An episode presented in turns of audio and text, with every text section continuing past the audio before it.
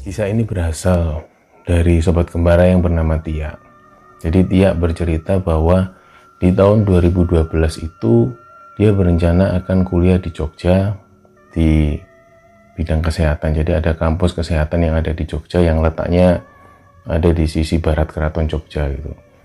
Dari situ ibunya Tia mulai menghubungi temennya yang ada di Jogja untuk mencarikan kos untuk Tia gitu setelah teman ibunya dia ini mencarikan kos akhirnya ada salah satu tempat kos yang uh, ukurannya relatif besar dan harganya juga relatif terjangkau gitu. Dari situ ketika kos sudah didapatkan teman ibunya Tia yang di Jogja ini mengabarkan ke Tia dan ibunya bahwa ibu ini sudah mendapatkan kos. Akhirnya ibunya Tia dan Tia segera meluncur ke Jogja dan hari itu juga mereka cek lokasi kos tersebut gitu kan. Nah, Tia pada akhirnya memilih satu kamar kos yang letaknya itu di belakang persis rumah pemilik kos. Jadi kos ini dimiliki oleh ibu ibu-ibu yang umuran 65-an lah, 65-an tahun gitu dan Tia ini memilih satu kamar yang letaknya di belakang persis rumah ibu kos ini. Dari situ setelah urusan pembayaran selesai, akhirnya Tia mulai belanja keperluan untuk kuliah dan keperluan untuk di kos itu. Malam itu juga Tia mulai tinggal di tempat kos ini. Di malam pertama itu dia merasa hal aneh karena Tia ini mendengar suara perempuan yang menangis dari kamar sebelah. Jadi kamar Tia itu berdampingan persis dengan kamar yang terdengar suara perempuan nangis. Jadi seperti nangisnya dan terisak-isak nangisnya.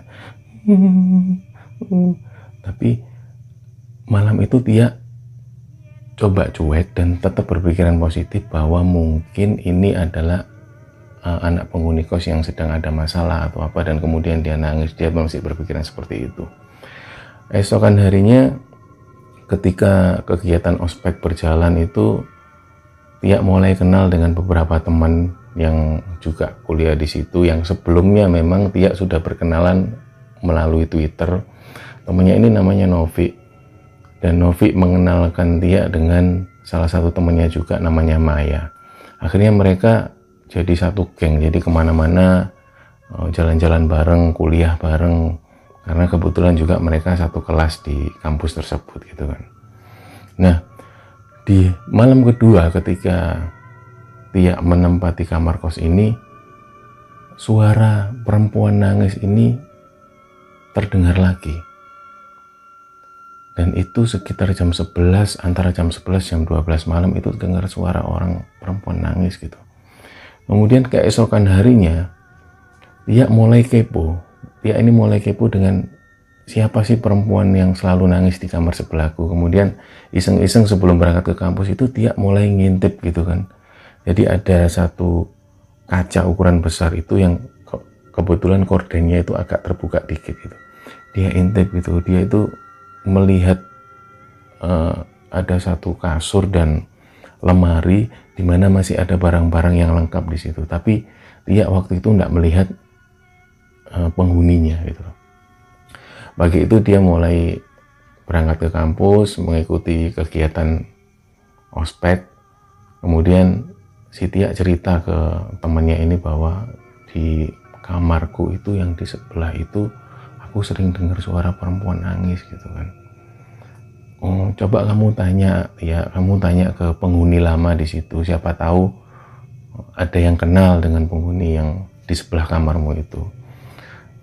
Siang hari ketika Tia kembali ke kamar kos Tia akhirnya memutuskan untuk tanya ke penghuni lama di situ. Kebetulan memang ada salah satu senior Tia yang tinggal di kos yang sama di lantai dua saat ketemu di toilet itu kemudian Tia nanya sama penghuni kos yang lama yang kebetulan juga seniornya di kampus itu kak eh, kakak tahu nggak yang menghuni di kamar sebelahku itu kok?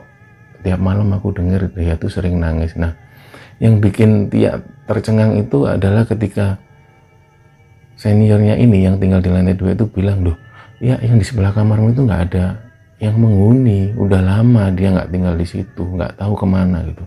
Dari situ dia mulai kaget loh kok nggak ada? Tapi aku tiap malam itu dengar suara perempuan nangis loh kak. Enggak kamu mungkin salah dengar gitu. Nah dari situ malam itu ketika dia tidur itu dia masih dengar suara perempuan yang nangis itu. Samar-samar dia dengar gitu.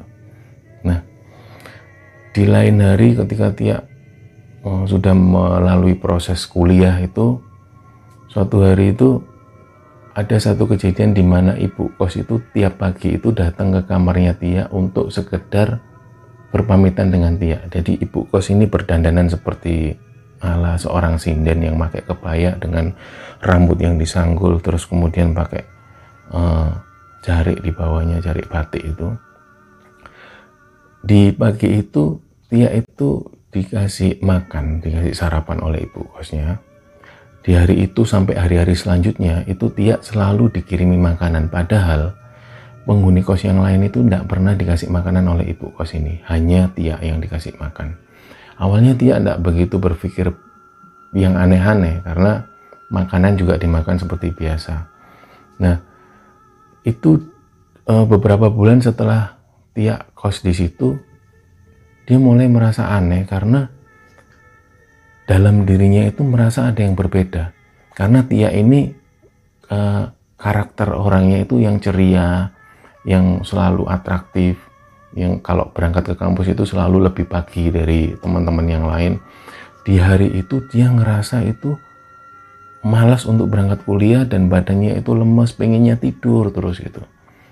Nah, dari situ mulai Tia nggak masuk kuliah. Nggak masuk kuliah sampai beberapa hari si Tia nggak masuk kuliah dan sahabat-sahabatnya Tia ini si Maya dan Novi ini mulai jenguk ke kamarnya Tia. Awalnya eh, Maya dan Novi ini BBM ke Tia. Jadi waktu itu masih ada BBM masih di telepon itu HP-nya sama sekali nggak nggak diangkat sama Tia. Karena pengakuan dari Maya sama Novi ini memang sering kali ketika si Tia ini di BBM atau di telepon itu nggak ada respon gitu. Nah dari situ Maya sama Novi memutuskan untuk menghampiri Tia ke kosnya. Tapi entah kenapa Tia itu nggak mau untuk ditemui sahabatnya ini gitu. Tiba-tiba dia itu cuek dengan lingkungan sekitar, nggak mau ketemu siapa pun, nggak mau kuliah, kerjaannya cuma tidur dan terbangun itu mesti di waktu maghrib dan jam 12 malam gitu loh. Jadi dia itu tiba-tiba benci dengan apa pun terus malas melakukan apa pun. Rasanya badan itu selalu lemes dan nggak pengen ngapa-ngapain gitu loh. Dan setiap kali jam 12 malam ketika Tia terbangun dari tidurnya itu dia seperti melihat sosok perempuan di balik uh, jendela kamarnya itu. Tapi posisinya membelakangi Tia gitu. Jadi dia nggak tahu itu siapa, cuman setiap kali Tia bangun jam 12 malam terbangun itu dia selalu melihat sosok perempuan ini gitu. Ya, di pagi hari ketika ibu-ibu kos ini ibu kos pemilik kos ini mendatangi Tia dan mengirim makanan seperti biasa itu Tia makan dan ibu kos itu duduk di sampingnya Tia jadi posisinya seperti ini dengan penampilan yang seperti sinden itu yang lengkap dengan sanggul dan apa ini pakai kebaya dan seperti seorang sinden gitu duduk di kasur Tia. Kemudian ibu kos ini hanya diem terus sambil kadang-kadang itu apa ini berdendang gitu loh. Jadi kayak orang yang nyinden gitu loh. Nah kejadian itu sering kali dilakukan oleh ibu kos ini. Setiap pagi ngirim makanan dan setiap maghrib itu kadang menghampiri Tia gitu. Tapi Tia ini kondisinya antara sadar nggak sadar. Jadi dengan situasi dan kondisi yang dia lemes dan nggak bisa ngapa-ngapain dia cuma bisa ngelihat ibu kos itu melakukan aktivitas yang sama setiap pagi dan maghrib. Dan setiap jam 12 malam setiap Tia itu terbangun dari tidurnya dia itu mesti ngelihat sosok perempuan yang di balik jendela itu. Nah, di sisi lain, di sisi cerita yang lain itu bahwa si Maya dan Novi ini setiap kali akan menjenguk Tia. Ini ibu kos selalu bilang kalau Tia tidak bisa diganggu. Di samping itu juga Tia ini seolah tidak ingin ketemu dengan dua sahabatnya ini. Gitu loh. Nah dari situ si Maya dan Novi ini seperti orang yang gelisah gitu. Bahkan dosen-dosen yang ada di kampusnya ini sering kali menanyakan keberadaan Tia. Kenapa kok tidak masuk kuliah lama gitu? Apakah sakit? Kalau sakit ini di mana dirawatnya? Karena eh, apa ini jadwal kehadiran di kampus kesehatan itu kan memang terbilang harus aktif gitu kan. Jadi dosen-dosen sering menanyakan keberadaan Tia kepada sahabat-sahabatnya ini, si Maya dan Novi ini. Nah, Novi ini uminya, Novi mempunyai umi yang kebetulan masih punya keturunan dari Kesultanan Singkawang di Kalimantan itu yang kebetulan uminya Novi ini punya kemampuan atau keahlian spiritual yang berbeda dari orang kebiasaan gitu. Suatu malam uminya Novi itu bermimpi ketemu leluhur-leluhurnya uminya Novi jadi leluhurnya ini bilang bahwa uh, temennya Novi itu temennya anakmu itu harus diselamatkan karena dia terpengaruh oleh ilmu guna-guna gitu. kalau dia nggak segera diselamatkan dia cuma punya waktu sekitar 27 hari.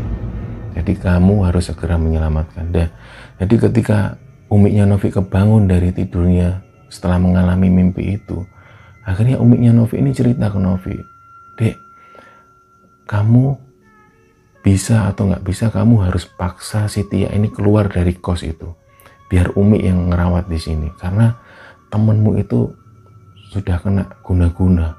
Bisa jadi itu ibu kosnya yang ngasih makanan atau sesuatu atau jambi-jambi apa atau apa yang membuat dia itu linglung dan di luar kebiasaan yang dia malas dan tidak mau kuliah.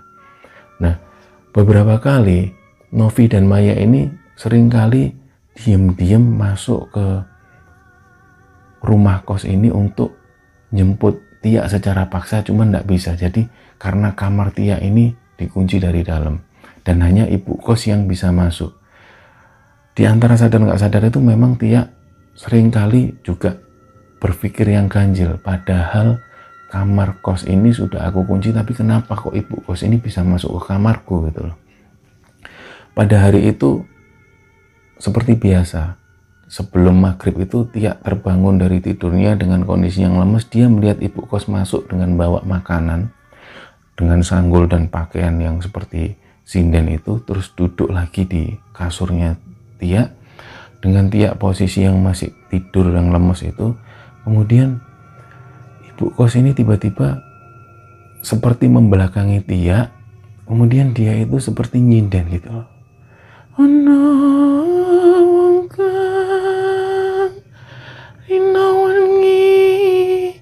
Jadi sambil tangannya itu seperti seorang menari, tapi Tia itu nggak bisa melakukan apa-apa karena dia hanya bisa mendengar dan melihat, tapi fisiknya ini sudah lemah. Fisiknya sudah lemes, tapi dia masih bisa mendengar ibu kosnya ini mendendangkan sebuah langgam Jawa gitu.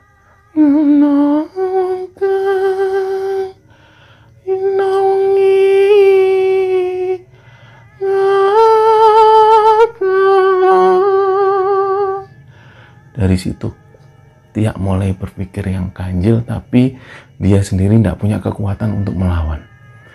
Ketika ibu kosnya ini berjalan keluar menuju pintu keluar kamarnya Tia itu dia itu melihat badan ibu kos ini berubah menjadi badan monyet yang dengan bulu-bulu yang hitam gitu tapi kepalanya masih kepala manusia gitu.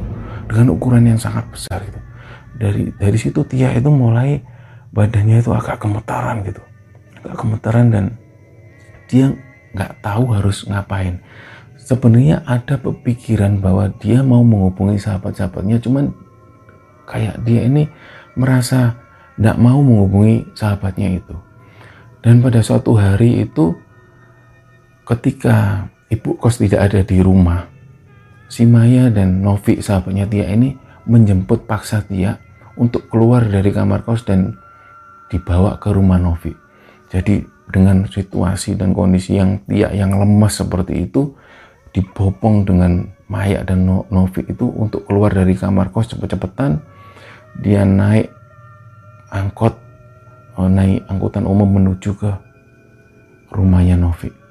Begitu sampai di rumah Novi itu umiknya Novi di depan pintu itu bawa seperti apa ini sapu lidi itu kemudian bilang ke Maya dan Novi ayo cepet deh cepet deh cepet deh begitu dipopong si Tia ini masuk kamar sambil umiknya Novi baca seperti doa-doa itu terus dipukulkan lah sapu lidi itu ke arah Tia kemudian dari situ Tia mulai agak sedikit sadar loh aku kok ada di rumahnya Novi? Nov aku kok ada di rumahmu? Kenapa? Udah kamu diam dulu ya Tia diam dulu. Terus akhirnya Tia di masukkan ke kamarnya Novi kemudian digantikan pakaiannya ini dilepas pakaiannya digantikan dengan kemben ukuran segini kemudian dibawa ke toilet lalu dimandikan kembang oleh umiknya Novi. Ketika dimandikan kembang terus keluar sambil dibaca-bacakan apa ini bacaan-bacaan yang Novi sendiri uh, si Tia sendiri waktu itu agak nggak agak nggak inget apa yang dibacakan cuman ketika itu Tia melihat uminya Novi, Maya dan Novi di situ saling baca doa untuk Tia gitu. Dari situ kemudian uminya Novi memberikan satu gelas air untuk diminumkan ke Tia dan ketika Tia minum air yang sudah dibacakan doa ini, tiba-tiba Tia ini sadar, loh, aku kok ada di sini? Kenapa kok aku ada di sini sih Nov gitu?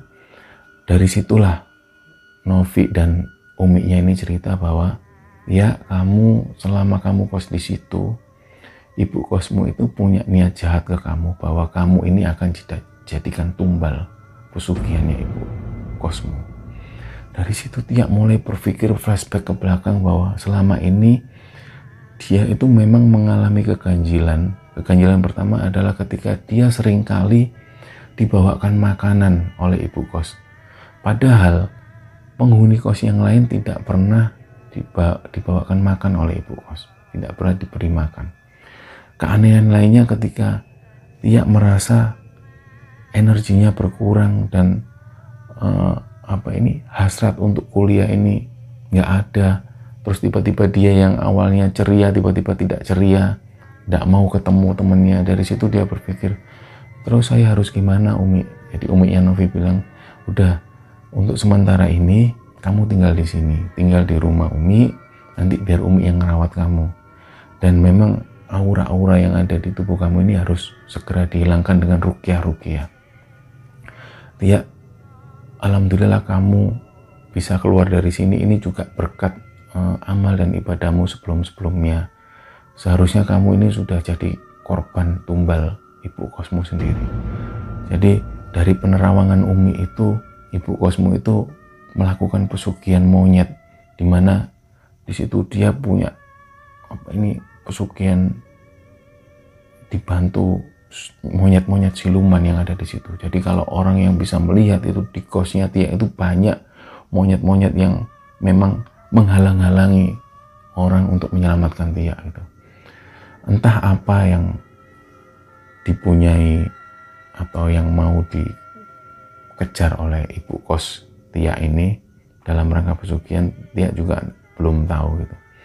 Jadi hari itu ketika Tia dirawat oleh uminya Novi itu setiap hari setelah subuh itu dibaca-bacakan ayat rukyah, kemudian diminumkan air yang sudah didoakan itu berangsur keadaan dia ini mulai pulih kembali, dia mulai ceria kembali dan mulai kuliah lagi seperti biasa dan Maya dan Novi ini dengan dorongan Umi disarankan untuk ngambil barang-barangnya Tia yang ada di kos agar supaya Tia nggak lagi tinggal di situ gitu.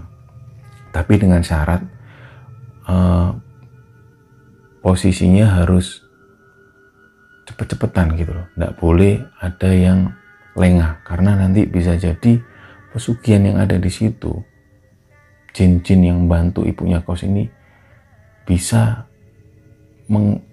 menipu daya si Novi dan Maya ketika ngambil barangnya. Jadi hari itu ketika melihat kondisi dan situasi kos yang mulai sepi, akhirnya Maya dan Novi ini masuk ke kamarnya Tia untuk ngambil barang-barangnya dan segera masuk. Di situ Maya melihat di arah belakang itu seperti ada monyet yang bergelantungan di atas-atas dan di depan ini yang seperti seolah-olah mau mengejar mereka gitu. Ayo Nov, cepetan Nov, cepetan Nov. Kita dikejar sesuatu gitu. Akhirnya sambil bawa barang-barang itu mereka keluar, kemudian menuju ke rumah Novi kembali. Di situ dia uh, mulai ada perubahan yang signifikan gitu loh. Nah, dari situ enam bulan lamanya si Tia ini tinggal di rumahnya Novi. Dan Uminya Novi berkesimpulan kemungkinan kamu itu Tia, kamu itu mungkin di mata ibu kosku, ibu kosmu itu punya weton yang sama atau yang weton yang cocok untuk dijadikan tumbal. Mungkin seperti itu. Umi sendiri nggak tahu Allah alam bisawab. Yang penting kamu sudah bisa keluar dari rumah kos itu gitu kan. Nah, kalau kamu tahu dia sebenarnya makanan yang disuguhkan oleh ibu kosmu ke kamu itu sebenarnya berupa kumpalan-kumpalan darah yang sudah mengering, kumpalan darah hewan, terus belatung-belatung yang memang sengaja itu disuguhkan untuk kamu supaya kamu masuk dalam tipu daya mereka. Dari situ Tia berpikir, ya Allah, dia bersyukur Alhamdulillah bisa keluar dari rumah kos itu. Gitu kan.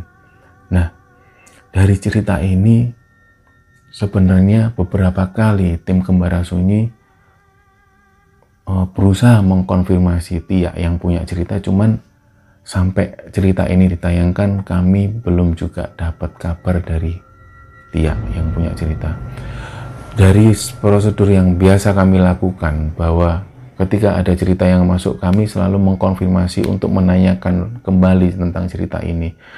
Tapi untuk cerita ini bagi siapa pun yang bernama Tia yang sudah mengirimkan cerita ini minta tolong untuk segera menginfokan tentang perihal cerita ini. Karena sampai cerita ini kami tayangkan Tia belum juga mengabari ke kami. Kami berharap tiap yang ada di sana baik-baik saja dan tidak ada hal apa pun yang terjadi. Semoga kisah ini bisa diambil hikmahnya.